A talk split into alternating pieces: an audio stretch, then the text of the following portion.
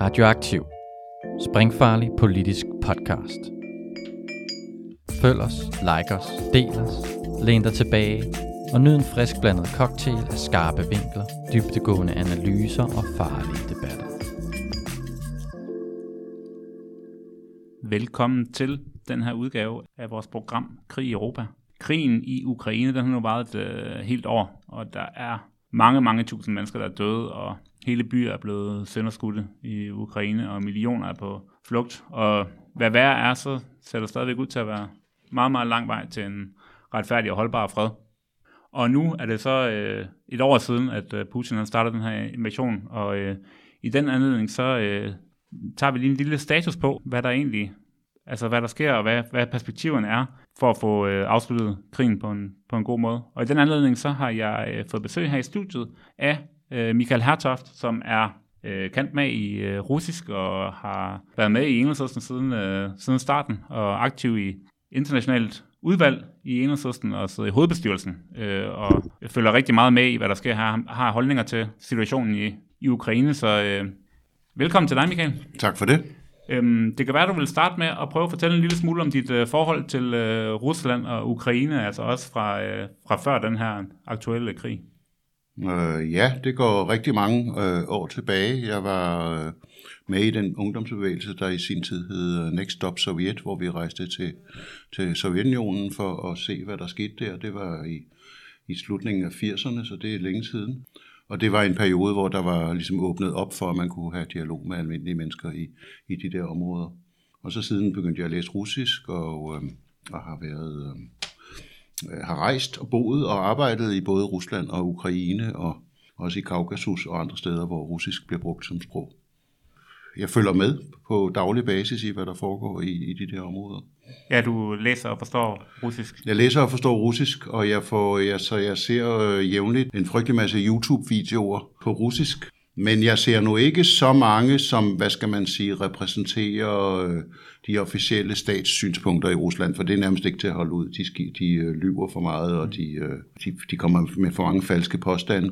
Men hvad jeg ser især, det er den gruppe af medier og oppositionelle politikere, som er blevet fordrevet fra Rusland, men som opretholder og laver en daglig nyhedsdækning af, hvad der sker i Rusland. Og det er blandt andet en, en tv-kanal, som hedder Dost, som betyder regn, og det er en øh, liberal øh, krigsmodstander, men en meget fornuftig mand, som hedder Maxim Katz, altså med hensyn til krigen, men, øh, som hedder Maxim Katz, og det er Navalny Live. Navalny, det er jo øh, Alexei Navalny, det er den øh, øh, russiske oppositionelle, som blev forgiftet, jeg ved ikke, om I kan huske historien, mm. men altså han blev forgiftet øh, i Omsk og blev fløjet ud af Rusland, og så blev han, øh, så vendte han tilbage til Rusland, og der blev han straks arresteret, og nu sidder han på andet eller tredje og et andet år, tror jeg, i, i fængsel under ekstremt ekstremt dårlige vilkår. De forsøger sådan set at slå ham ihjel ved at, at mishandle ham i fængslet. Han, men hans øh, kammerater har et, et, også en daglig øh, YouTube, som hedder Navalny Live, som mm. fortæller om, hvad der sker.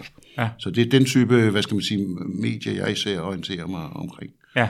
Ja, du har været aktiv på, øh, på Venstrefløjen i vel cirka 50 år efterhånden, ja, ja, ja. Øh, og man kan vel også sige, at du øh, altså før, øh, før murens fald øh, har tilhørt den del af venstrefløjen, som, som øh, var, var kritisk over for det, der foregik i, i Sovjet.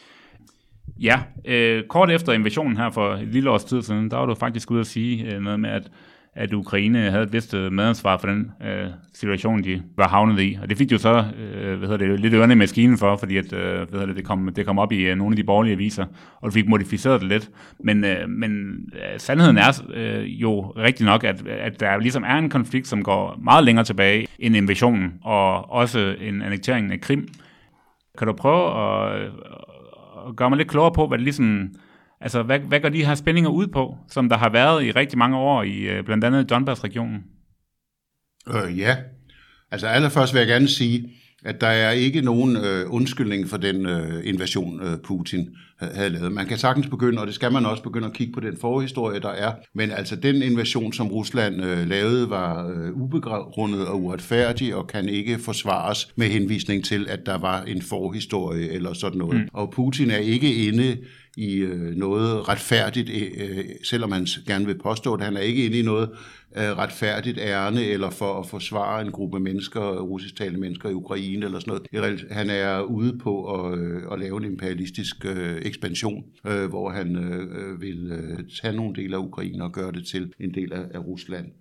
Men når du så spørger om, hvad der har været øh, før, ja, så er der jo mange før, fordi i virkeligheden har, kunne man gå flere hundrede år tilbage i tiden, men det tror jeg måske lidt langt for, øh, mm. for i dag. Men hvis man går tilbage til Sovjetunionens opløsning, så skete der jo det, at man havde, Sovjetunionen var en stat, som havde øh, med alle sine fejl, så havde den ikke nogen grænse mellem Ukraine og, og Rusland. Man kunne rejse frem og tilbage, som man ville, øh, og det gjorde folk, og der var rigtig mange ukrainere, der bosatte sig i Rusland, og der var rigtig mange russere, der bosatte sig i Ukraine. Så på den måde, så var det en meget sammenfiltret øh, situation, og øh, langt de fleste ukrainere kan tale russisk, og, det var, og situationen var altså den, at, at på mange måder så havde man en åben grænse, hvor der var samhandel, der var folk, de giftede sig på kryds og tværs, der var øh, øh alle mulige øh, muligheder, og det var en, en, på mange måder en stor fordel for det østlige Ukraine, at man kunne øh, rejse øh, ud og ind af, af Rusland. Og, øh, og det, var, øh, det var der fra starten, hvad skal man sige, nogen, der anfægtede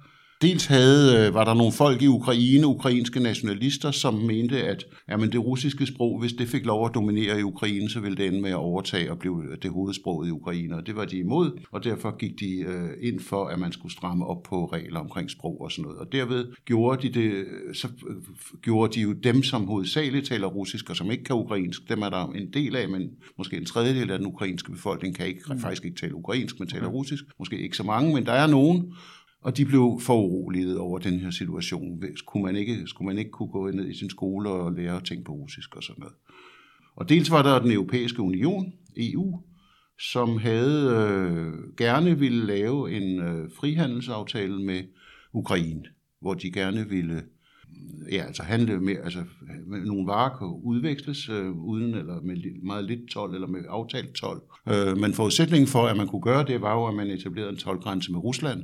For ellers så ville en tolvgrænse med, eller en, en frihandelsaftale mellem, Rusland, eller mellem Ukraine og EU, ville jo ende med at blive en frihandelsaftale mellem EU og Rusland. Og sådan en ville man ikke lave. Mm. Så det vil sige, at EU's krav om, eller forslag om et faktisk pres på for at lave en frihandelsaftale, endte med at blive et pres på for at lave en, en, en tolvgrænse til, til Rusland. Og det var det, der blev hele øh, stridens kerne i, i 2014, da, da man havde både den her øh, opstand på Majdan, som nogen mm. kalder et kup, men det synes jeg nok ikke, den var. Mm.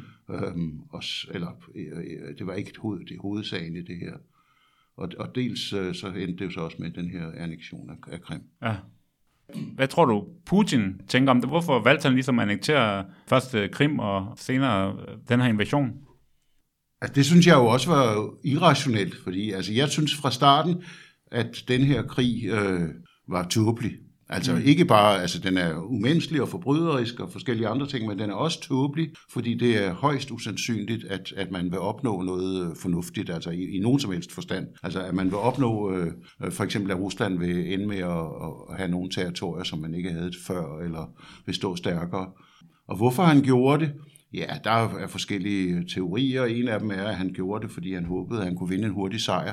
Mm. Altså den almindeligste, eller den teori, jeg hælder mest til, og også måske den, som mange øh, nævner, det er, at hvis man har en, en, øh, en, en autoritær leder som Putin, eller en, øh, som er oppe i toppen af et system, så får han ikke sandheden at vide af sine underordnede. Dem, som er nedenunder ham, de er bange, og derfor, når de kommer, så forskynder de sandheden. Når de kommer og skal lave en rapport, så fortæller de, at det går bedre, end det faktisk går. Mm. Og det gælder ikke bare helt op i toppen til Putin, det gælder også hans general nedenunder, hans oberster er bange for ham, og obersterne, der er løjtnanterne bange for ham, og sådan er det hele vejen øh, igennem.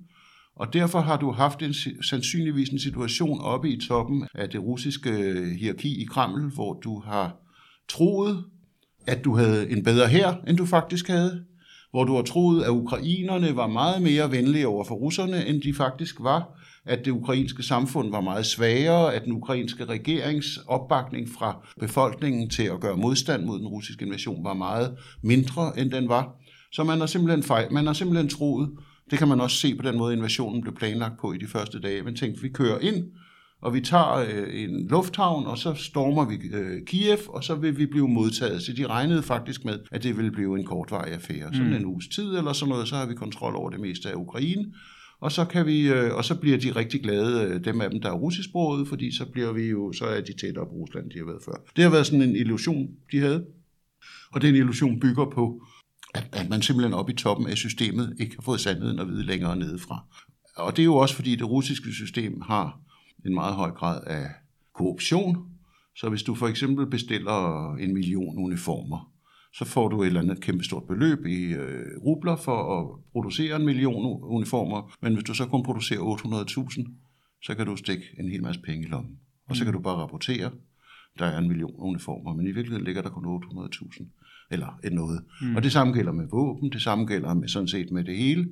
Øh, og det vil sige, at du havde en situation, hvor det viste sig en rigtig mange ting, som øh, var der i mindre omfang, eller soldaterne var dårligere trænet, øh, mm. og så videre. Det tror jeg er årsagen ja. til. Og så har de nok heller ikke regnet med, at, øh, at Vesten ville gå så meget ind i det. I hvert fald annekteringen af Krim i 2014, den fik jo mere eller mindre lov til at, til at passere. Ja. Jeg. Det gik jo meget let. Måske troede de, at det ville gentage sig. Ja. Øh, øh, og så har de snakket en del om sådan noget afnazificering. Hvad går de ud på? Jamen altså, der er... Øh, på en måde er der, er der lidt behov for, at man snakker lidt om baggrunden for Ukraines historie. Lad mig lige komme mm. tilbage til det. Men der er en ekstrem højrefløj i Ukraine, mm. som øh, har en, en øh, ideologisk leder. Han er død i 50'erne, Stefan Bandera, og Øh, og det er nogle ekstremt øh, højre nationalistiske strømninger, som i øvrigt ikke kun er rettet imod mod russerne, men som også har været rettet historisk set imod øh, polakkerne, og som har været øh, rettet imod øh, jøderne også. Øh, og denne her strømning har i perioder har en vis tilstedeværelse, eller har en, en stor tilstedeværelse på gaden, det vil sige, de er de har været meget aktive i det der Majdan-oprør, og de har en, en stor styrke i det vestlige Ukraine. Men, altså, hvor mange de, mennesker drejer det sig om? Ja, men altså, det er jo svært at vide, for det er sandsynligvis taler vi om, om uh, tusinder eller 10.000 aktivister, men vi snakker om, uh, i, i procent til valg, snakker vi om 1-2 procent. Altså, okay. vi snakker om en meget lav... Uh, der har været nogle enkelte gange, hvor de kom op over, men i øjeblikket er, det, er der nu et medlem af parlamentet, i det ukrainske parlament, som vist har 400 medlemmer eller deromkring, som, uh, som er på den her ekstreme uh, højre fløj. Så de har fyldt noget på gaden, men de har ikke... De, de har fylder, de har, har en hel del at, ja. at sige på gaden. De, har, de er ret velorganiserede, mm. øh, men de har altså ikke en, en meget stærk... De har ikke på nogen måde et dominerende politisk parti. Og når jeg så siger noget med denne her historie, så er der et par ting, man skal vide om Ukraine for overhovedet at kunne finde ud af, hvad der foregår. Det er, at hvis man går tilbage 100 eller halvandet 100 år tilbage øh, i, i historien, så var Ukraine, det ukrainske land, det var delt. Der var en... Øh, en del til, i det vestlige Ukraine, som var en del af Østrig-Ungarn, og, også har, og noget af det har også været en del af Polen. Og der var et, den, øh, den vestlige del og den østlige del, det var en del af det russiske imperium, som altså på et tidspunkt mm. var zarisme. Ja. Og det vil også sige, at, at dem, der var i det vestlige område, at de var øh, påvirket meget mere af Europa, af katolicismen, af, Pol- af Polen osv. Og især i Østrig-Ungarn, så havde de en vis politisk øh, frihed til at hvad skal man sige, operere, som ikke eksisterede i det, i det zar-imperiet. Altså de, så derfor betød det også, at de ukrainske nationalister, der var også i Rusland, at de, mange af dem de rejste ud og, og boede i de, i de vestlige dele af, af Ukraine, hvor de havde mere politisk øh, frihed. Og de her, men de her områder, de var så heller ikke en del af, af Sovjetunionen før 1939. De var en del af, af Polen, og ja, ja, primært Polen, og så har, øh, var der jo en enorm undertrykkelse fra, fra stalinismens side imod øh, bønderne i, i Sovjetunionen, og det ramte også ekstremt hårdt i Ukraine, så der var en meget, meget stor hungersnød i 30'erne. Ja. Og så bagefter så kom der en... Øh, da så Rusland lavede den her ikke-angrebspagt med med Tyskland, som faktisk betød, at man kunne øh, angribe Polen, så var det i høj grad øh, ukrainske områder i Polen, som Rusland tog. Øh, og med den behandling, Stalin gav de her øh, folk, så var der mange, der antog, at Hitler måtte være bedre.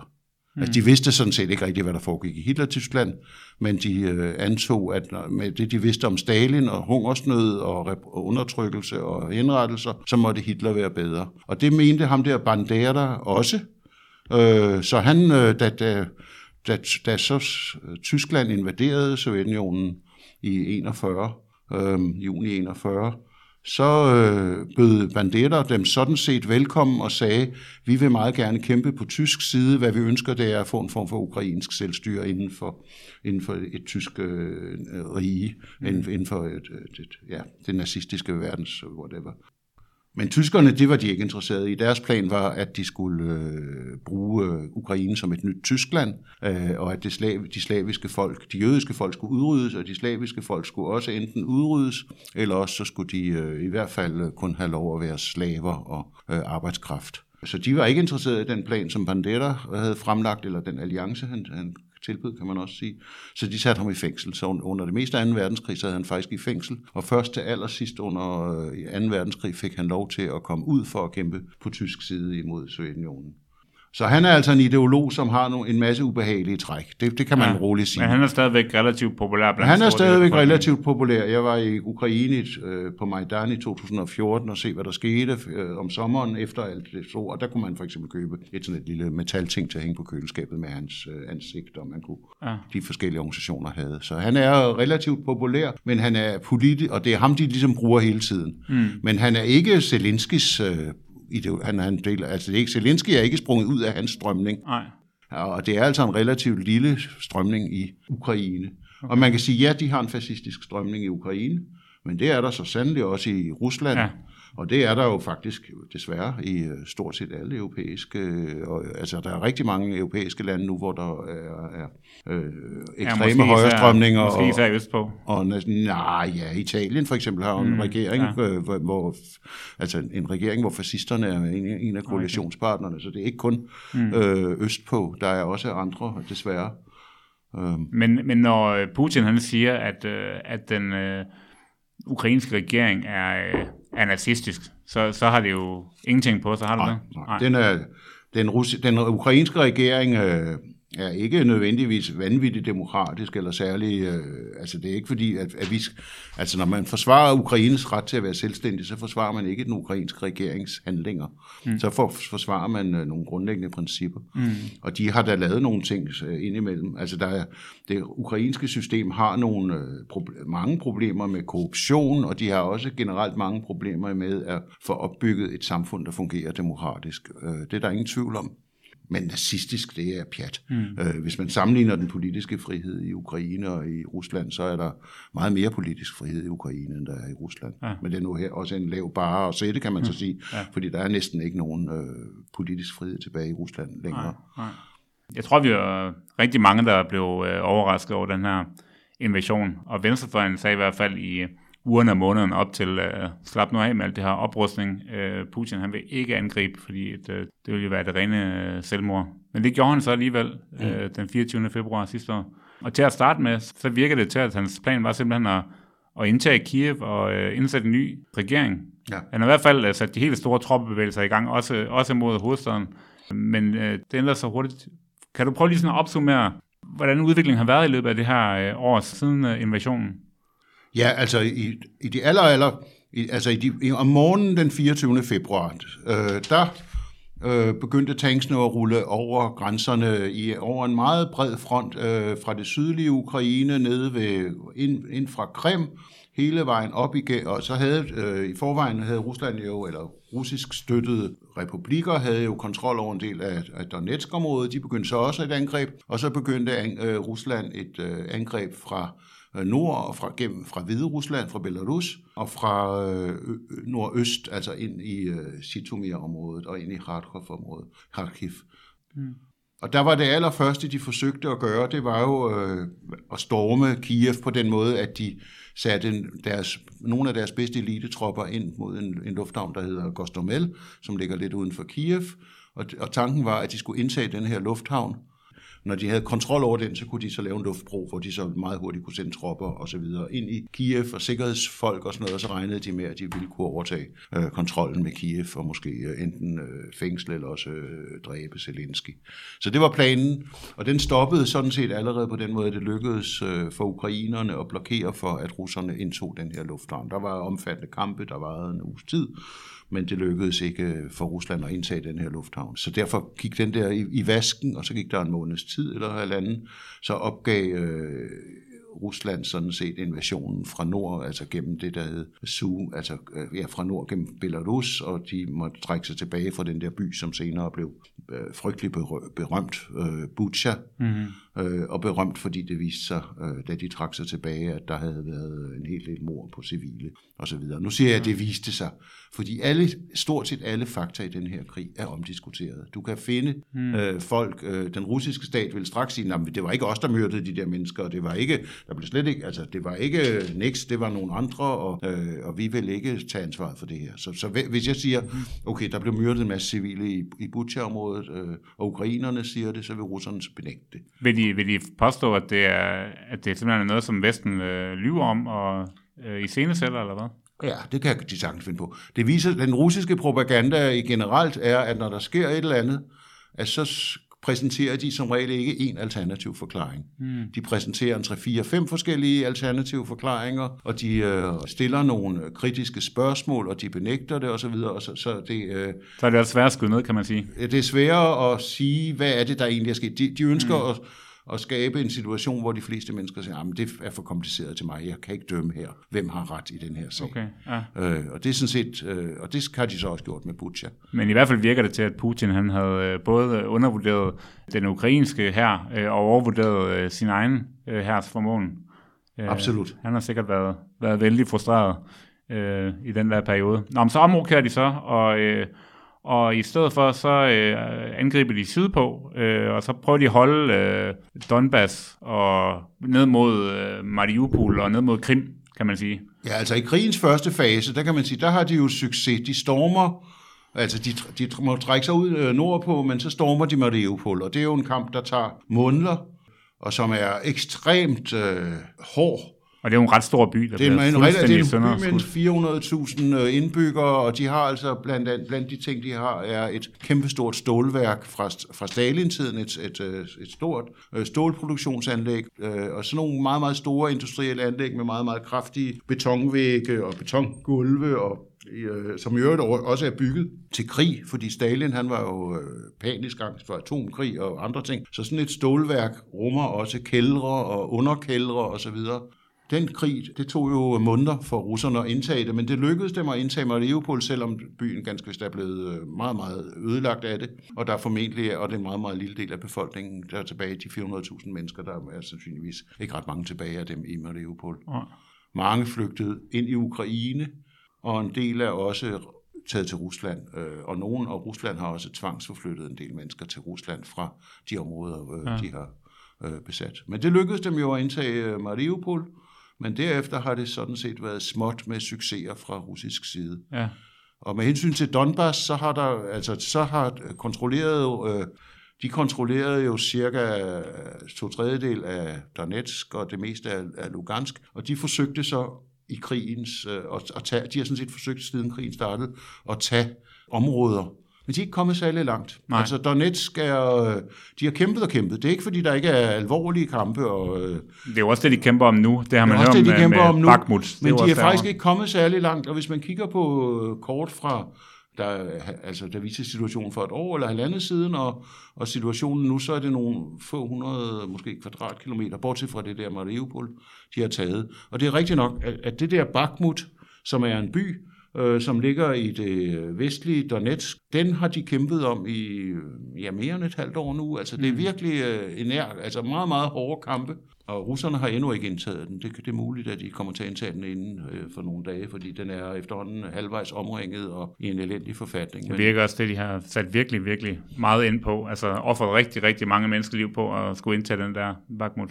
Ja, ofre og ofre. Altså Putin har jo gjort en fantastisk ting, som er meget stærkt reaktionært. Og det var, at han øh, pludselig... Øh, der er jo en, en privat militærgruppe, som hedder Wagner-gruppen, som øh, bliver ledet af en mand, som hedder Prigozhin, og øh, den her Wagner-gruppe, den har slået sine folder i Afrika, hvor de har lavet alt muligt øh, mm. møg i, i mange konflikter i Mali og Centralafrika, jeg skal komme efter dig.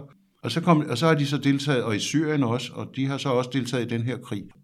De fik simpelthen en aftale om, at de kunne tage ud i øh, russiske kolonier og fængsler, hvor der sidder altså fanger, og så kunne de tilbyde de her fanger, at de kunne øh, få amnesti, at de kunne blive øh, slippe for resten af deres fængselsstraf, hvis de ville indrullere sig i Wagnergruppen, og hvis de ville kæmpe et halvt år i øh, de her områder. Og det har de så gjort. De, de har, det er lidt uklart hvor mange, men de har i hvert fald 10, 20, 30, måske 40.000 fanger har de så brugt som øh, det, som øh, russerne så smukt kalder hakkekød. Altså det vil sige, at man sender folk ud, som man faktisk er ligeglad med, om de dør. Mm. Så man har brugt de her fanger, som man så har bevæbnet, og som man så har øh, sat til at storme, øh, især i Bakhmut-området, det er der, de er blevet brugt. Og så bag ved de her fanger, der, de skal så angribe ukrainerne, men bag ved fangerne, der står der så nogle øh, professionelle Wagner-folk og så videre, og de, øh, deres opgave er at skyde dem, der løber den anden vej. Mm. Øh, sådan så at, at man er tvunget til at angribe. Og dem har de så brugt bølge efter bølge af. Og når du så siger ofre, så er det, jeg lige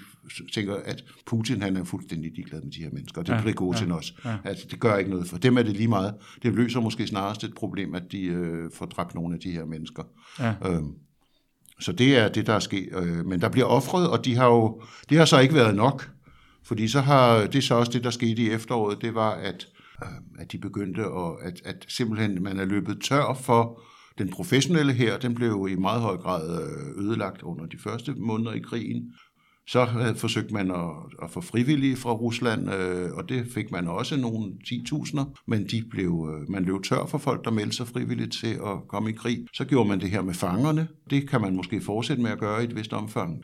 Men det var ikke nok.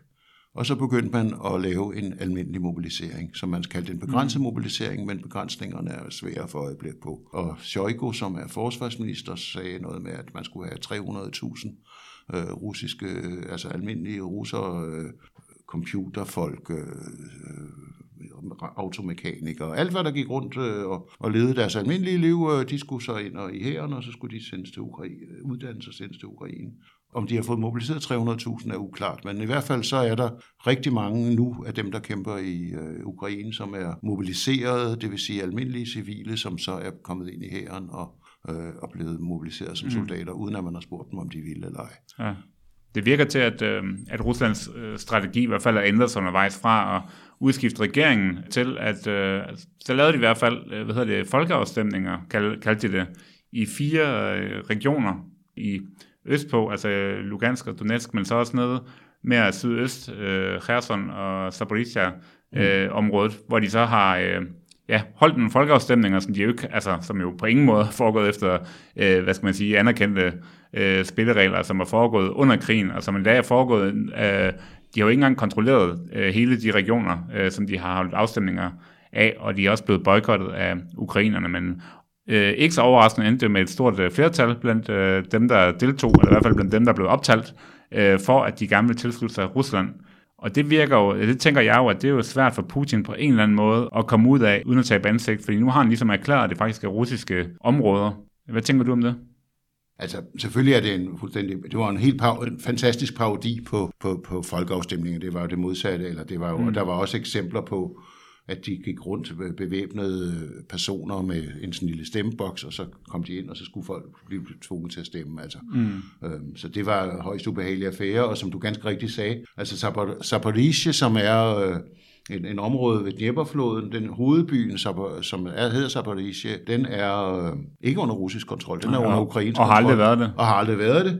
Og Kherson, som var under russisk kontrol, har de måttet opgive, så det vil sige, at de snart, øh, der er faktisk ikke nogen af de fire regioner, som de siger, de har annekteret til Rusland, som er 100% under russisk kontrol. Men Lugansk er det næsten, men, men de andre er det så øh, langt fra.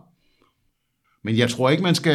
Altså, Putins krigsmål kan ændre sig. Han, hvis han kunne komme ud af det med at sige, nu har vi fået noget øh, territorium, vi har vist, at vi, kan, at vi er ikke til at lege med, sådan at vi er alvorlige, og så tror jeg, at han kunne godt forklare, at han havde fået mindre. Hvis han vel og mærke kan, få, kan komme ud af det med en eller anden form for, øh, at han kan få afsluttet krigen, og så at han kan sige, at han har fået et eller andet, at han har vundet noget territorium eller noget, mm. så tror jeg godt, han kunne... Øh, i hvert fald i sin egen propaganda forklare, hvad det var, han havde gjort. Ja. Men den russiske taktik ændrer sig af nogle andre grunde. Altså man, den russiske her var nok, de troede, de var bedre, end de var. Ikke? Ja. Øh, og så kom de ind, og så har de jo haft meget store tab i starten af krigen. Og den, øh, de meget store tab var jo i høj grad øh, teknik. Altså de tab, øh, der var rigtig mange tanks, og det flyver med tal. Jeg skal ikke give jer nogen tal også, fordi mm. jeg, jeg er ikke sikker på, at jeg tror på nogen tal af den, den der type. Men der blev ødelagt rigtig mange tanks, rigtig mange øh, alt muligt andet øh, kørende øh, materiel, rigtig mange fly og dræbt rigtig mange mennesker. Så i de første halve år eller sådan noget, så brugte man sådan set en meget stor del af det, man kunne kalde den stående russiske her til sin, øh, sit angreb. Og, øh, og det vil jeg også sige, så, så det, i dag er det nogle andre typer. Man har simpelthen mangel på specialtropper, man har mangel på folk, der virkelig er professionelle soldater. Og nu har, begynder man også så småt at have mangel på tanks og mm. og kørende materiel og sådan noget. Så derfor bruger man mere og mere sådan nogle bølger af mennesker, der angriber. Og det er noget, der kræver enorme, der giver enorme tab og ja. som øh, ikke er nogen... Altså man kan godt vinde noget ter- terræn med det, men det, giver ikke, det er ikke noget, der giver en enorm stor offensiv kapacitet. Mm. Og den situation er Rusland i i dag.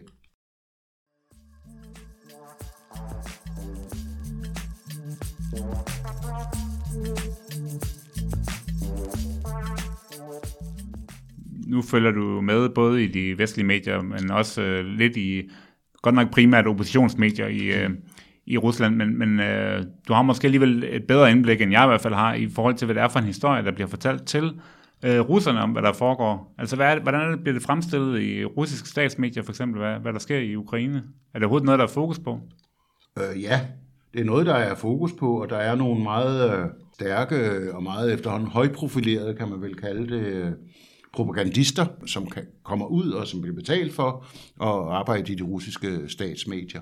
Og hvad er deres øh, politiske budskab?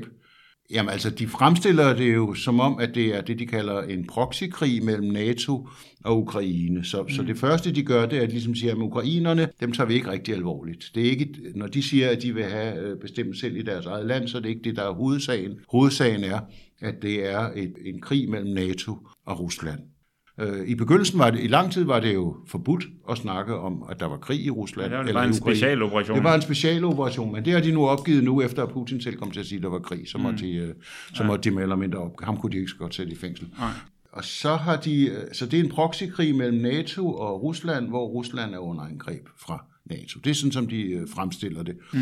Og derved opnår de jo også det, at mange russere, som måske ikke synes om den her angreb på Ukraine, og som slet ikke bryder sig om hele det her projekt, at de føler, at de er nødt til at forsvare deres fædreland, fordi de føler, at, at Rusland er under angreb. Mm. Øh, så det er den måde, de fremstiller det på.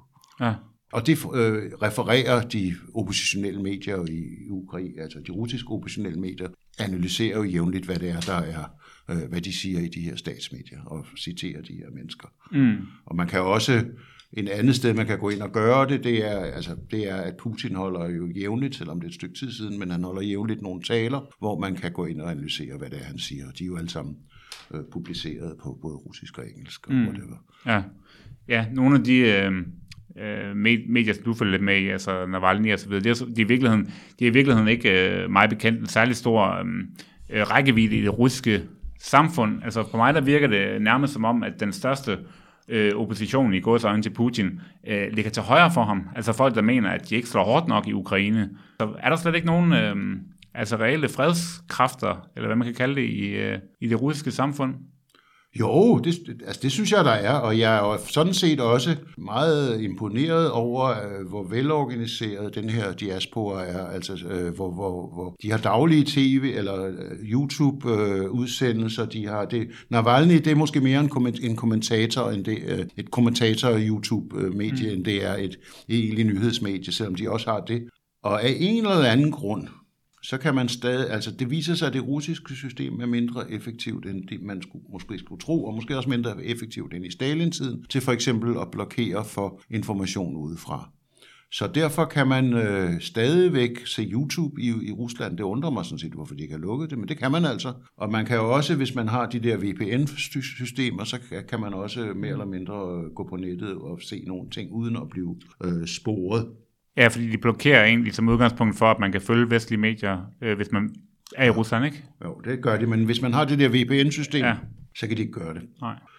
Men det kan jo forestille mig, at det er måske primært nogle øh, de unge mennesker, der kan, der kan finde ud af, altså den almindelige, øh, den almindelige russer øh, har ikke umiddelbart adgang til, øh, Nej, det kræver, at du tegner VPN, og du gør de der ting. De medier, Men som du snakker om, øh, sender de fra, fra Rusland? Nej, det. Nej. kan der ikke nogen af dem, der kan. Nej.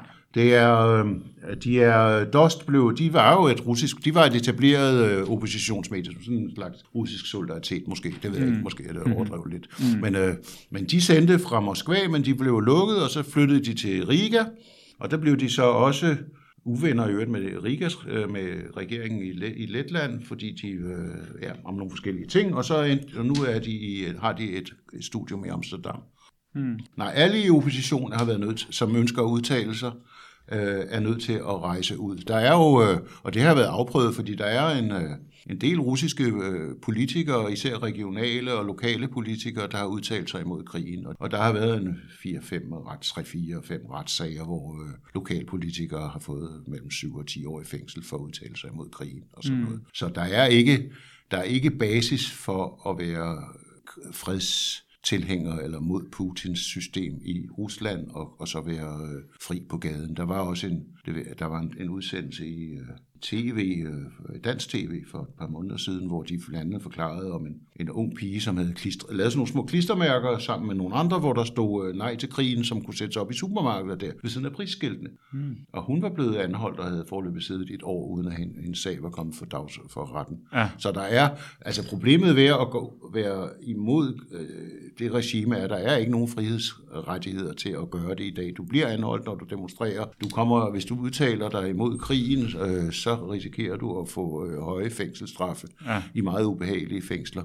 Ja, det er også meget lang tid siden, der har været en, øh, en, dem, en fredsdemonstration, for eksempel. Nej, de er der jævnligt, men de er jo, der, kom- hvornår var det sidste gang? Det var en gang i, efter, sent på efteråret. Der var der kom der en, en spontan bølge af demonstrationer. Ja. Det er typisk noget, der kommer spontant bølge, når der har været en eller anden særlig udvikling af Men mit indtryk er, at der bliver slået meget, meget hårdt ned på det. bliver og, slået meget, meget og de hårdt bliver ned på anholdt øh, med det samme, og det ved de også godt inden, så derfor er det også kun øh, nogle unge, øh, fry, hvad hedder det, frygtløse mennesker, der, der dukker op, af mit indtryk. Ikke kun. Jeg tror Nej. også de gamle, der er også, men også unge selvfølgelig.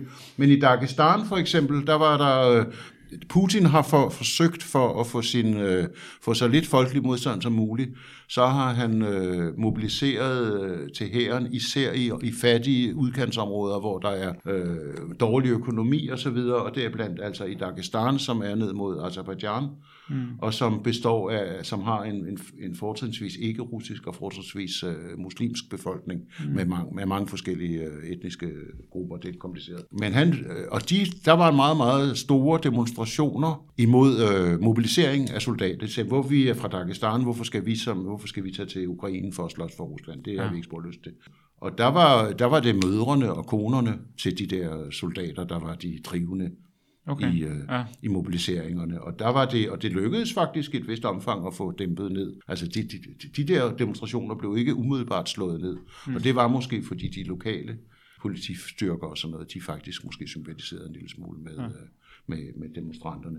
Så det kan godt være det er derfor. Så der er eksempler på, at det kan lade sig gøre, men det er sjældent. Ja. Og når du så siger, at der er en, øh, øh, ja, så er der en højere opposition. Og det er rigtigt, det er, øh, de findes i sådan nogle, der er en stor underskov af sådan nogle øh, telegramkanaler, altså YouTube og, øh, og chatfora og sådan noget, mm. hvor der er rigtig mange af den slags. Og nogle af dem er jo, kæmper jo også og er aktive i, i, i Donbass-regionen. Og de skælder ud, altså de sk- skælder øh, ud, altså med et sprog, som får venstrefløjen her i Danmark til at ligne, at vi øh, er, er gode venner alle sammen hele tiden. Mm. Øh, og de kritiserer mangel på granater ved fronten, øh, dårlig krigsledelse, øh, at man øh, ikke har gjort det og det øh, i tide osv. osv. Mm. Og der er en, en stærk konflikt. En af dem, der var mest udtalt øh, øh, af den type, øh, Mangush, tror jeg han hed, øh, han blev myrdet for en et par uger siden. Ja. Han blev simpelthen, og det mener alle, inklusive tilsyneladende, siger, jamen det var enten FSB, eller også var det Wagner-folkene, der gjorde det. Okay. Øh, han blev myrdet i, i Lugansk-området, der kom nogle øh, mænd hen til ham øh, og skød ham i hovedet med en pistol. Og han døde først efter nogle dage. Øh, men han døde altså. Okay. Og, øh, og der var ingen, der har sagt, det er den ukrainske efterretningstjeneste. Det er ellers en standardforklaring. Ja. Når der, der ryger mange, der er mange af de der øh, separatistledere, der er døde i løbet af årene, og, og det er ofte sådan, at det er noget, ukrainerne har gjort. Mm. Men det er der ingen, der har sagt den her Det, gang. det var folk med forbindelse til den russiske her, mener man. Ja, Det Ja. er det, der er den almindelige forklaring. Okay. Øh, og han er sådan en, der havde udtalt sig ikke er bramfrit øh, omkring, hvor dårlig Putin var, og hvor dårligt øh, militærledelse og sådan. Okay, ja. Nå, så der er også De grænser ønsker- for, for højrefløjen. Ja, det ser det ud til. Man har også ham der Prigozhin, som leder Wagner-gruppen. Han er også ekstremt åbenmundet. Mm. Og, øh, og han, der er simpelthen blevet lavet en forordning i russisk stats-tv, må ikke længere omtale Wagner-gruppen og Prigozhin. Nå, Så man okay. forsøger på den måde at blokere deres politiske indflydelse. Okay, ja. Nu sagde du, at, øh, at Putin, han ligesom, eller rettere sagt, at, at, at de russiske statsmedier omtaler øh, det, der sker i Ukraine, som en proxykrig, altså en stedfortræderkrig, hvor det faktisk er Rusland mod NATO. Det er jo også noget, man, øh, man hører øh, nogle steder på den danske venstrefløj, og det synes jeg øh, egentlig selv er at underkende fuldstændig, at øh, Ukraine har deres egen, øh, deres egen vilje. Men, men omvendt, så kan man sige, at rigtig mange af våben, altså der er ikke nogen tvivl om, at, øh, at, øh, at sagen ville stå anderledes i Ukraine, hvis ikke det var fordi, at de fik rigtig mange våben fra Vesten. Hvad tænker du om, altså du har jo kæmpet mod, øh, altså mod NATO og så videre i rigtig mange år. Hvad, hvad, hvad, hvad, hvad tænker du om nu, at, at NATO's rolle i, i, i konflikten her?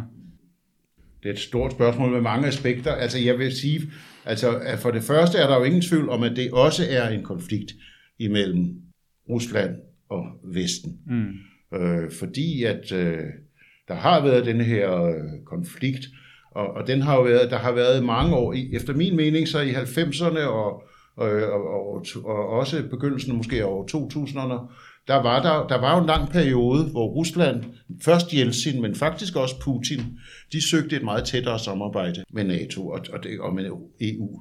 Og der var jo en, en periode, hvor Putin, lige da han kom til magten, der sagde han, ligesom Jeltsin havde gjort, at faktisk ønskede man, at Rusland skulle være en del af NATO. Mm. Man ønskede jo i meget høj grad, at Rusland blev anerkendt som et ligeværdigt, moderne, kapitalistisk land i samarbejde med de vestlige lande, som man jo også havde det største økonomiske samarbejde med. Det er også vigtigt at huske, at selvom Rusland har alt muligt samarbejde med Iran og Kina og whatever, så har man stadigvæk et meget stort økonomisk samarbejde, havde i hvert fald øh, med Vesten.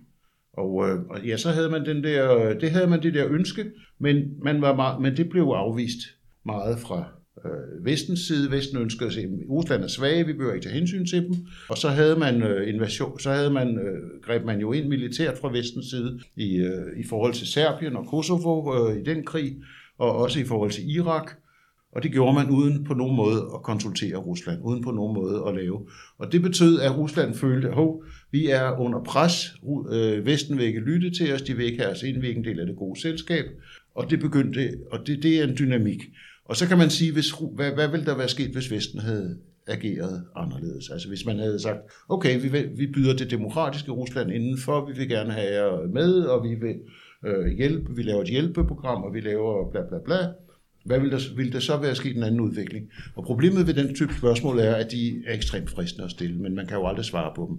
Vi aner ikke, hvad der ville være sket, hvis man havde gjort, hvis nogen andre havde, hvis nogen havde gjort noget andet. Men det er i hvert fald en situation, hvad skal man sige, jeg ser det som en forpasset chance. Så, så, og, og at en del, det er ikke nogen undskyldning, men en del af forklaringen på Putins reaktion er, at han har følt sig presset op i et hjørne, og han har følt, at man vil ikke lytte til dem, man vil ikke anerkende dem, man vil ikke, være, man vil ikke se, se dem som ligeværdige parter. Men det paradoxale er jo, at Ruslands invasion i Ukraine har styrket NATO. Den har ikke svækket NATO. Nej. Den har styrket NATO, fordi den har øh, af mange, mange grunde, men altså for det første har den jo øget den folkelige opbakning til NATO helt, helt ekstremt. Jeg ved ikke, hvordan Ja. det er i Danmark, men jeg vil gætte på, at det er 80 procent.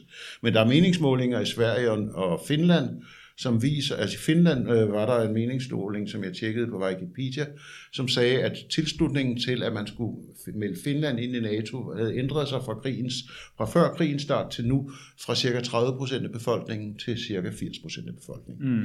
Og det vil sige, at hvor et flertal i den finske befolkning før sagde, at det er godt at være neutrale, vi skal ikke ind i NATO, så mener omvendt et meget stort flertal, nu skal vi ind i, i NATO. Enhedslisten har jo også øh, i hvert fald opgivet øh, det her med, at vi skal krav om, at vi skal ud af NATO øh, her og nu, øh, eller hvad det hedder officielt. Altså tidligere har man jo sagt, at Danmark skal ud af NATO, og det er enhedslistens politik, punktum. Og nu siger man, øh, ja nu, siger, nu er man noget mindre, mindre klar. Man siger i hvert fald, at vi skal ikke ud af NATO nu. Ja, det er rigtigt, øh, og man, det kommer jo til at blive afgjort her på et årsmøde til sommer også, hvad man, hvordan de hvad skal man sige, lidt mere langsigtede formuleringer er. Mm. Øhm, men altså, det betyder, at op, opbakningen til NATO er steget e, ekstremt meget. Så er også i Ukraine, altså jeg tror, et meget, jeg ved det ikke, jeg, jeg, jeg kan gå rundt og spørge alle, øh, alle de millioner af mennesker, der bor i Ukraine, men altså, der er jo, øh, der er nok meget stor opbak, et meget stort ønske i Ukraine om, at, vi også, at, at de også vil have, være en del af, vi vil også være en del af NATO's, altså fra ukrainsk side, og, og der er mange andre ting, der gør, at, at, øh, at NATO bliver styrket. Den russiske hær har brugt meget stor del af sine mest moderne ressourcer, det vil sige, at den russiske hær er faktisk en mindre trussel nu, end den var for ikke i deres psykologi, men i deres objektive kampkraft, der er de svagere, end de var for et år siden. Man har fået afprøvet og udviklet en masse nye våben, og er i gang med at udvikle nye våben, også kommunikationsmetoder i Ukraine, så det vil sige, at NATO også bruger den her krig selvfølgelig som træningsgrund til at, at udvikle nye militære øh, taktikker og strategier. Mm. Så derfor har Putins angreb styrket NATO. Han har styrket sine fjender, og det er også derfor, det dybest set er så tåbeligt, det han har gjort. Ja, og det virker også til, at der er større enighed på tværs af NATO-landene der, det er svært at vurdere. Der er hele tiden konflikter. Og nogle af dem er jo også forståelige, øh, men altså for eksempel det der med tyske tanks. Altså jeg kan godt forstå, at Tyskland, altså Tyskland har en lang altså da de trak sig ud fra 2. verdenskrig, eller blev ned, lidt nederlag. Jeg kan godt forstå, at der er mange tyskere, der siger aldrig mere, og vi skal aldrig mere have tysk, øh, en ty, øh, storm mod øst. Altså det mm. forstår jeg sådan set godt. Ja. Ikke, ikke fordi jeg er enig med dem. De føler også, at det er en forpligtelse over for Rusland men det var jo i lige så høj grad ukrainere, der kæmpede på den sovjetiske, i den sovjetiske her, og det var jo altså de største del af kamphandlingerne i, under 2. verdenskrig i Sovjetunionen var jo på ukrainsk grund. Mm. Øh, også Belarus og også vestlige del af Rusland, men meget stor del af dem, dem, dem, der kæmpede, og det område, der blev kæmpet i, var Ukraine. Men her efter, øh, kort efter invasionen der for et år siden, der skulle Enhedslisten jo også tage stilling til, øh, hvad vi tænkte om øh, øh, at skulle sende våben derover. Og der mm. var jo også en masse debat i Enhedslistens hovedbestyrelse, hvor du også var med, og hvor du øh, faktisk støttede, at vi skulle sende øh, våben afsted. Hvordan kan det være, og hvad var dine overvejelser i forhold til det? Vi har taget stilling til det tre gange i hovedbestyrelsen. Først der, som du siger, i foråret, jeg tror i juni måned, eller var det maj, jeg kan ikke huske, tiden går hurtigt. Mm. Og så en gang i efteråret, øh, og så også igen her i januar. Mm. Og ja, mine overvejelser er, at Ukraine er blevet overfaldet i et uretfærdigt, et, et uretfærdigt angreb, og de har ret til at øh, forsvare sig selv, og øh, at de også har ret til at tage våben der, hvor de kan få dem. Mm. Og at det derfor også er vores opgave, eller derfor synes jeg, og så ud fra det, så mener jeg også, at de må at, at vi øh, må støtte, at den danske øh, regering kan sende våben til Ukraine. Det er jo det, realiteten det, vi snakker om alle mulige idéer om, at venstrefløjen selv skulle samle penge ind til våben eller sådan noget. Det er pjat. I, aller, I bedste tilfælde, så kunne vi købe fem maskingevær eller ti maskingevær og sende derned. Ikke? Og jeg ved jo ikke, hvor man køber maskingevær. Øh, så vi, vi støttede at sende våben til Ukraine.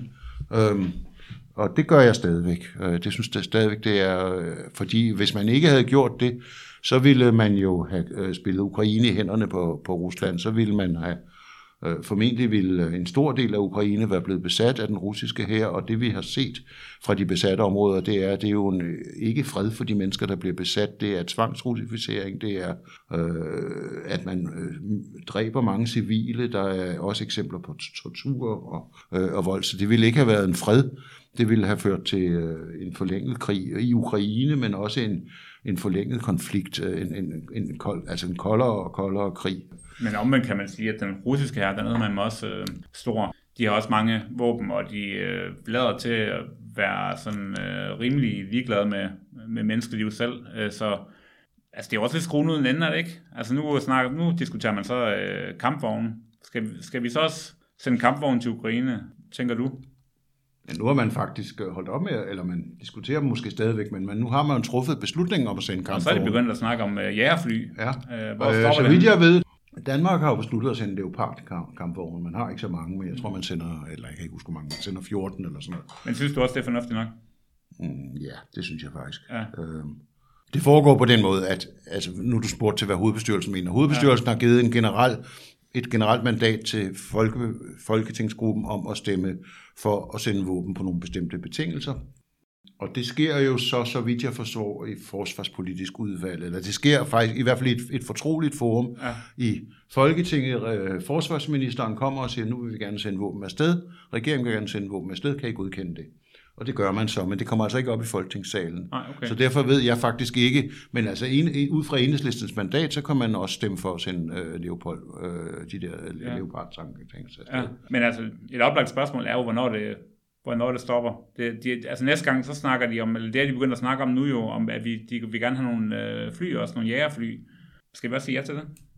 Det kan jeg ikke forholde mig. Det ved jeg ikke rigtigt. Øh, mm. Det synes jeg er vanskeligt. Men det der med, hvornår det stopper, Ja, altså som det ser ud nu, de her mobiliserede soldater, dem er der, man mener, der nu er omkring 300.000 russiske soldater i de besatte områder i Ukraine. Ja. Og, øh, og det er mange, Øh, det er flere, end der var i starten af krigen, og man er i gang med at mobilisere til synladen, og, man, og der er, det kan man se, der er russiske forsøg på angreb over øh, en meget bred front. Hver dag rapporterer ukrainerne om russiske forsøg på at, at, at flytte fronten øh, længere mod vest, øh, og det lykkes ikke ret godt. Øh, man kommer ikke rigtig nogen vegne, øh, men man er i gang med noget, som godt kunne øh, ses som et, et meget stort øh, øh russisk forsøg på at lave et angreb og få en eller anden form for territorial, altså øh, erobre noget land. Og måske i hvert fald som minimum, så skal man, vil man meget gerne have den der by Bakhmut, som der stort set ikke er noget tilbage af. Også fordi så får man nogle en position, hvor man så senere kan angribe nogle andre byer. Ja.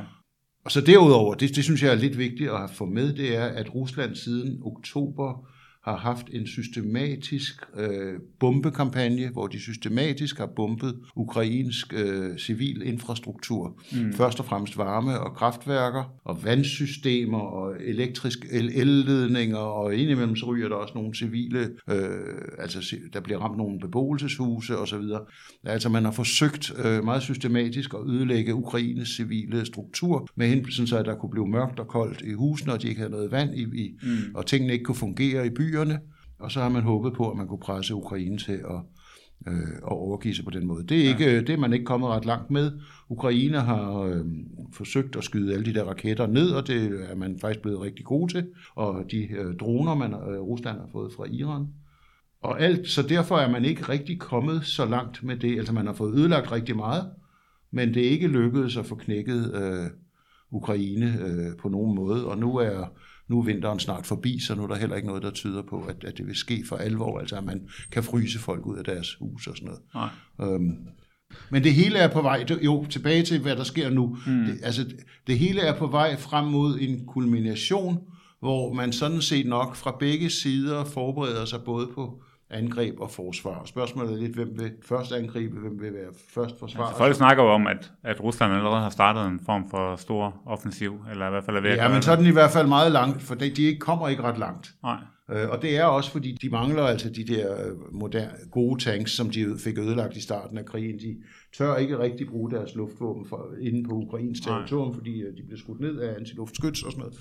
Det er også lidt svært ved at skaffe det øh, udefra. Altså, Kina har jo ikke været særlig villig til at involvere sig i den her konflikt. Så det er sådan lidt... Øh, altså, jeg har hørt, at de har købt nogle våben af Nordkorea og sådan noget. Så tænker man også, okay, så er de måske ikke, så er de, måske ikke øh, de allerbedste våben i forhold til, hvad, hvad Ej, det var artillerigranater, tror jeg. De bruger enorme mængder ammunition. Ja. Altså, den krig har opslugt så enorme mængder ammunition, at Rusland har haft mangel på det, og Vesten faktisk også begynder at sige, ja. at vi mangler faktisk noget, vi mangler faktisk lidt ammunition. Mm. Så det er altså meget store ressourcer, der bliver smidt ind i den der ja. øh, krig. Men det korte og lange er, at det nok kommer til at kulminere her i foråret en gang, på den ene eller den anden måde. Mm. Altså der kommer, vi, kommer, vi kan godt forudse, at der kommer store krigshandlinger i marts, april, øh, maj, juni, måske også sommeren over, men at det så formentlig det er jo sådan, at krig oftest slutter, at den ene af parterne bliver udmattet og faktisk ikke kan mere. Ja. Øh, og det kan også godt være, at det sker øh, den her gang. Øh, Men øh, det, sker det vil i givet fald nok tage en del år, tror du ikke? Eller hvad? Nej, det pas. Altså, mm. det, er, det kan godt være, det, det kan godt ske i løbet af, af sommeren, men det kan jo ganske rigtigt også godt komme til at tage øh, en del år. Der er sådan en række fremtrædende venstrefløjsfolk, øh, blandt andet øh, Noam Chomsky og Jeremy Corbyn og øh, Yanis Varoufakis, tidligere finansminister fra Grækenland, og sådan noget, som er ude i en fælles erklæring og, og lave sådan en, øh, noget, de kalder en fredsplan. Mm. Men det har du så været øh, blandt andet i Information og Solidaritet med, og, og skrive, at, at det, det synes du i hvert fald ikke, at den danske venstrefløj skal, øh, mm. skal støtte. Kan du, kan du prøve lige at rise øh, som nogenlunde realt op, hvad deres plan går ud på, hvorfor du synes, det er en dårlig idé? Ja, det vil jeg gerne, øh, sådan nogenlunde, øh, nu har jeg ikke lige foran mig, men altså, men først er man nødt til at skelne, synes jeg, mellem begrebet våbenhvile og begrebet forhandlinger. Og jeg siger det, fordi i diskussioner med folk, så er det ofte, at de, bliver, de to ting bliver blandet lidt sammen. Forhandlinger kan man jo i princippet lave hele tiden. Der er ikke nogen grund til ikke at gøre det. Øh, omvendt så er der nogle gange, hvor man kan sige, at forhandlinger fører heller ikke til så meget. Men, men for eksempel, øh, der har jo været, der er hele tiden en form for forhandlinger mellem Ukraine og Rusland. Enten så, øh, enten gennem offentlige erklæringer, hvor Zelensky siger en ting, og Putin siger noget andet, og det er jo også en form for forhandling, selvom det er øh, offentligt eller også gennem tredje personer, altså Putin siger noget til Macron, som siger det til Zelensky, eller han siger det til øh, Erdogan, og, og, altså på den måde. Øhm, så forhandling, og der er også hele tiden forhandlinger, der handler om øh, udveksling af krigsfanger. Mm. Øh, en gang imellem hver 14. dag eller hver måned, så kommer der en oplysning om, at nu er der 100, der er blevet udvekslet på begge sider. Bla, bla, bla. Mm. Og så våbenhvile. En våbenhvile betyder, at man stopper for at skyde på hinanden, og at man bliver stående i de positioner, man har.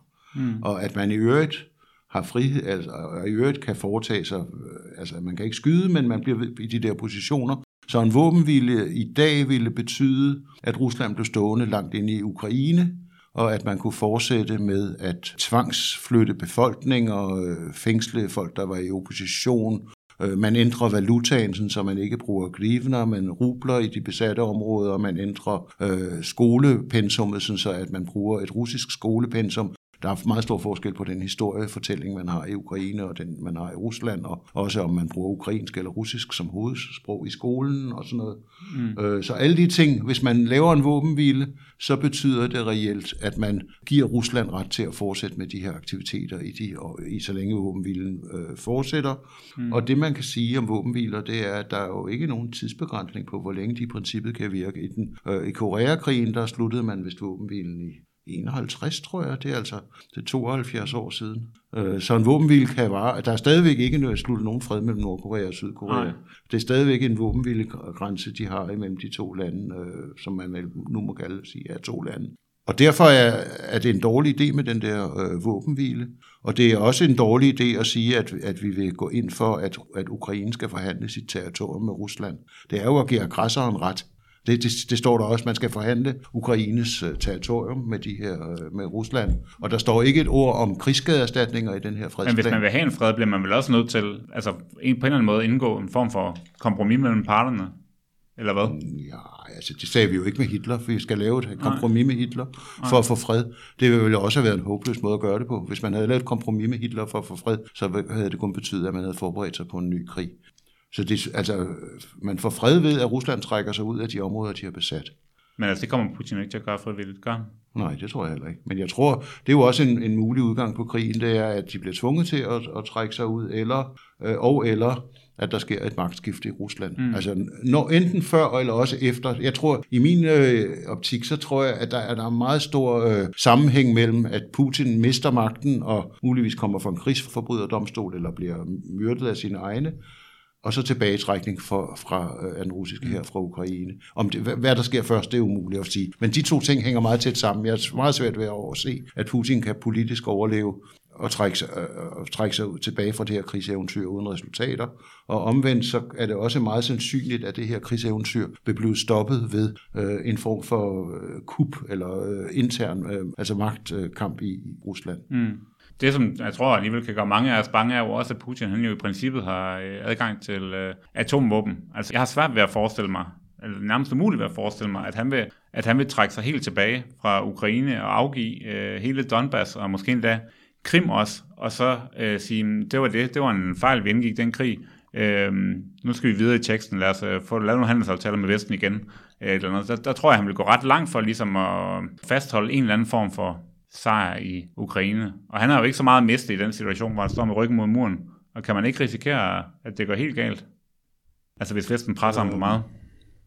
Jo, det kan man. Og jeg vil ikke være... Altså jeg vil ikke sige, at der er ingen risiko for atomkrig. Mm. Altså det vil være... Altså, nej, nej, det kan vi bare se bort fra. Det går ikke. Nej. Altså, atomvåben er farlige, og de er for, er for alvor farlige for menneskeheden. Og en øh, irrationel politiker som Putin, han viser sig at være irrationel, da han angreb. Ja. Vi kan ikke udelukke, at han gør noget irrationelt en gang til. Mm. Så der er en risiko for atomkrig, ja. Men øh, man kan sige, chancen er måske mindre, fordi Putin øh, sandsynligvis øh, selv vil øh, gå til en atomkrig. Mm. Altså hvis Rusland først...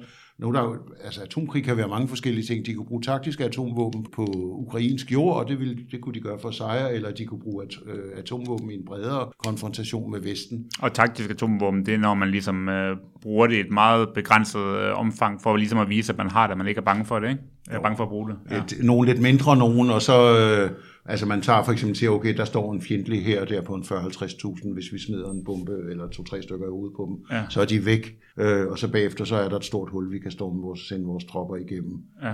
som så ganske vist også får strålesyge og sådan noget, men det kan man så se bort fra. Mm. Den risiko øh, er der, men den vil jo heller ikke holde op med at være der, fordi man eventuelt, øh, altså hvis man, hvis man siger en fredslutning, som faktisk er en fredslutning, hvor man giver Putin ret til at fortsætte med at kontrollere Rusland, vil jo det, konfrontationen vil jo fortsætte med at være der, så en fredslutning, hvor man siger, at Putin kan bare blive i Rusland og styre det der land, og vi giver ham nogle indrømmelser for at gøre ham lidt mere rolig, den vil føre til, at konflikten fortsætter øh, i meget lang tid, og risikoen også af atomkrig. Jeg synes, der er nogle andre krav, som de der mennesker ikke rejser, som er ekstremt øh, vigtige at rejse, at, og det er krav, som øh, bliver rejst af noget som er European Network for Solidarity ud i Ukraine, som er for eksempel, vi skal kræve øjeblikkeligt stop for de russiske bombardementer af Ukraine, og, øh, især altså med fokus på den civile infrastruktur. Mm. Det er en forbrydelse mod menneskeheden at bombe et kraftværk i Krakow, eller et, øh, eller et varmeværk i Vinitsa, eller hvor det nu er. Det er et krav, som er et, og er et, et meget aktivt fredskrav, og det andet er tilbagetrækning af de russiske tropper fra de besatte områder. Og så er der et tredje krav, som hedder, at selvfølgelig skal Rusland betale krigsskadeerstatning, hvis man lavede til Ukraine, fordi det, Ukraine er jo blevet ødelagt, det vil koste milliarder af dollars, eller hvad det nu bliver for en valuta, og det vil koste øh, årtier at genopbygge Ukraine. Altså man har jo smadret industrien, man har smadret jernbaner, man har smadret kraftværker, man har smadret byer, øh, Bakhmut, Ma- Mariupol og flere andre, og andre byer er hårdt ramt. Og hvis så Rusland kan trække sig ud og ikke betale en krone til Ukraine, så vil det jo være Ukraine, der har hele den økonomiske byrde med sin genopbygning. Mm. Og det vil sige, er de dømt til at være et fattigt, marginalt land i årtier frem i tiden. Ja. Så det er jo ikke en fredsslutning, som er... Øh, og derfor er det et centralt krav, at Rusland skal betale krigsskadeerstatning for de ulykker, de har lavet i Ukraine. Ja, okay. For lige at gøre den færdig, den der med den der fredsplan, så, så går det så ud på, at, at man, holder en, man laver en våbenhvile, altså den, som blev foreslået af Corbyn og company. Man laver en våbenhvile nu, og så med udgangspunkt i de nuværende fronter, så vil man øh, forhandle en, en fred på plads, som så alt andet alligevel indbefatter, at, at de områder, som er russisk kontrolleret nu, de vil blive en del af Rusland, og, og resten vil øh, blive øh, under, det, under Ukraine, under Kiev. Og det er så det, som du, øh, at du er modstander af, fordi, at du, fordi du tænker, at, at så vil Rusland egentlig have vundet noget på den her krig. Altså så vil de have vundet det land, de har fået, og, og slippe for at betale erstatning og så videre. Ja, Ja. den kan godt formulere det. Der står jo ikke noget i den der. Det er jo en underskriftindsamling, startet af nogle malaysiske professorer, men som er øh, så blevet bakket op af, af dem, du nævner, Okay, okay, Noam ja. Chomsky og Ja. Jeremy Corbyn og Varoufakis fra venstrefløjen, og også nogle, altså, og også nogle andre, Ja. øh, men det er de kendteste. Og de, der står ikke noget i den der fredsplan om, hvad det så er, forhandlingsresultatet skal være, må man sige. Nej, nej. Altså de siger, at man må lave de her forhandlinger, og man må forhandle, Rus, øh, man må forhandle territorielle et eller andet. Men der står ikke noget om, hvor meget man skal give Rusland, eller Nej, det gør der ikke. nej, okay. Øhm, Men øh, ja, men, men altså omvendt, altså det er ikke fordi, jeg kan sgu godt se problemet med at, øh, hvad hedder det, at skulle sidde og forhandle fred med Putin, som indbefatter, at han øh, kommer til at vinde noget på den her krig, men omvendt så har jeg jo ærligt talt også svært ved at se perspektivet i, at, at vi bare sender øh, flere og flere våben afsted. Altså, hvornår, hvornår er det, det stopper? Hvor mange, øh, hvor mange menneskeliv skal gå, gå til, før at, at vi siger, at nu må vi simpelthen øh, indgå en fred. Altså hvis begge parter de står så stejlt over for hinanden, Putin bliver ved med at sige, at det er nazister i Ukraine, og han skal have hele Ukraine, eller så, øh, eller i hvert fald de øh, fire hvad hedder det, regioner, som, som han har erklæret for russisk allerede. Øh, og vi omvendt siger, at du får ikke øh, en krumme, du kan bare øh, trække dig tilbage til grænserne fra Sovjetunionens fald, inklusive at opgive Krim.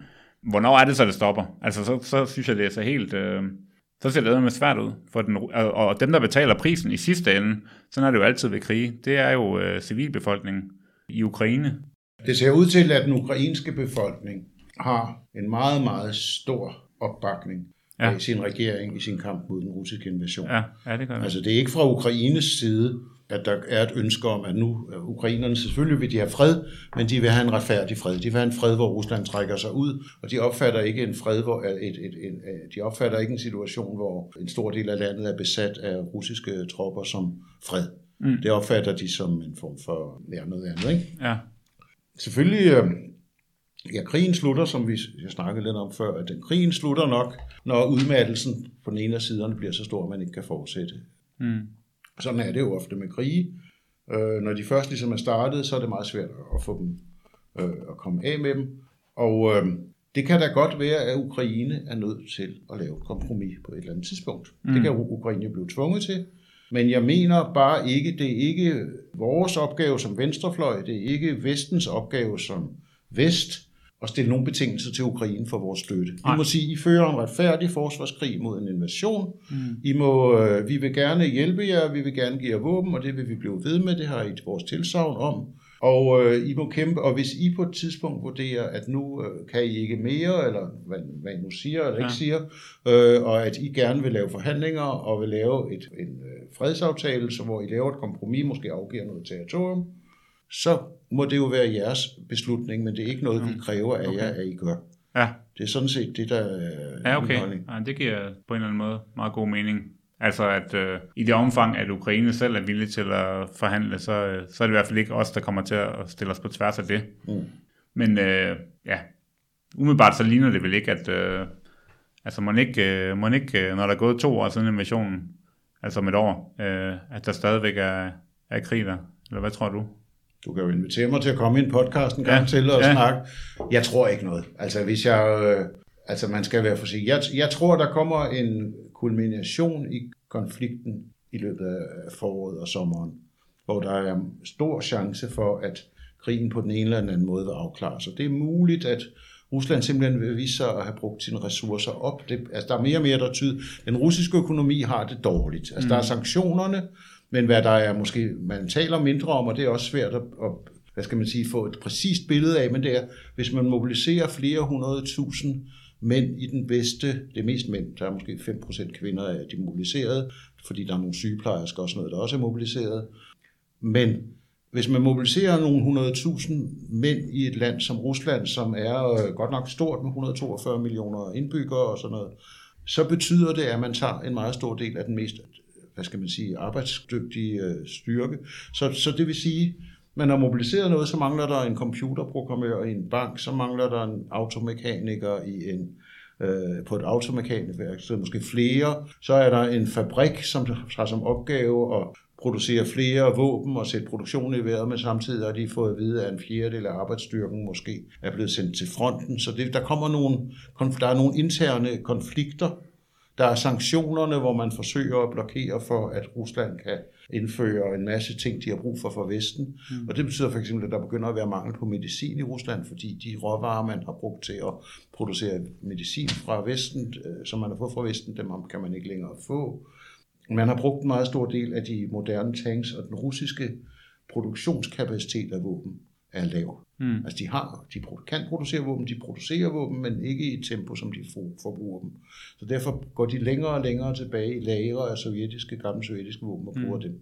Ja, man kan jo håbe, der sker et eller andet øh, så man kan håbe på, at, uventet i Rusland. Altså, at der sker være... noget, at de simpelthen ikke kan opretholde den her, det her pres.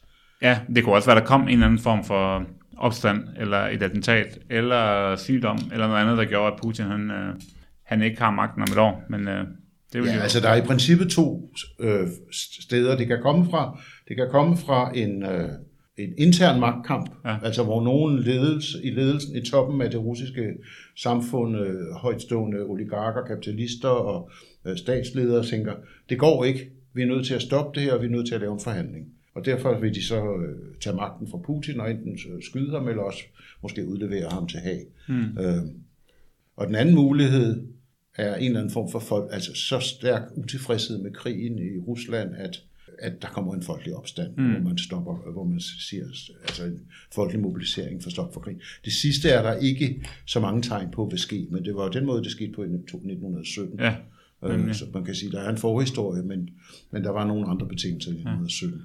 Nå, jamen vi, vi får se. Det kan være, at vi skal mødes igen om et år så, og kigge på, hvordan det, Ja, hvordan det gik. det vil være hyggeligt, måske, Ja. eller i hvert fald øh, interessant. Jeg håber, at det, jeg håber, at det ikke bliver nødvendigt, selvom det er hyggeligt at mødes her. Ja, men så kan vi jo... jeg, at, at ja. vi ikke skal mødes for at snakke om, hvad, Nej. hvad er der toårsdagen for den ukrainske krig. Nej, vil nej, være, det- øh, Det er rigtigt. Vi håber i hvert fald det allerbedste for den øh, ukrainske befolkning. Øhm, tak fordi du kom, Michael Hartoft. Yes, selv tak.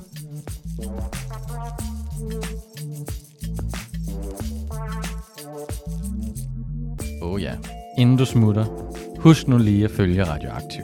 Vi er på Facebook, Twitter, på SoundCloud eller i din podcast-app. En række af vores podcasts udkommer også som video på YouTube. Du må også gerne dele os med dine venner. Hvis du er ellevild, så kan du gå ind på solidaritet.dk og blive medlem af vores medie.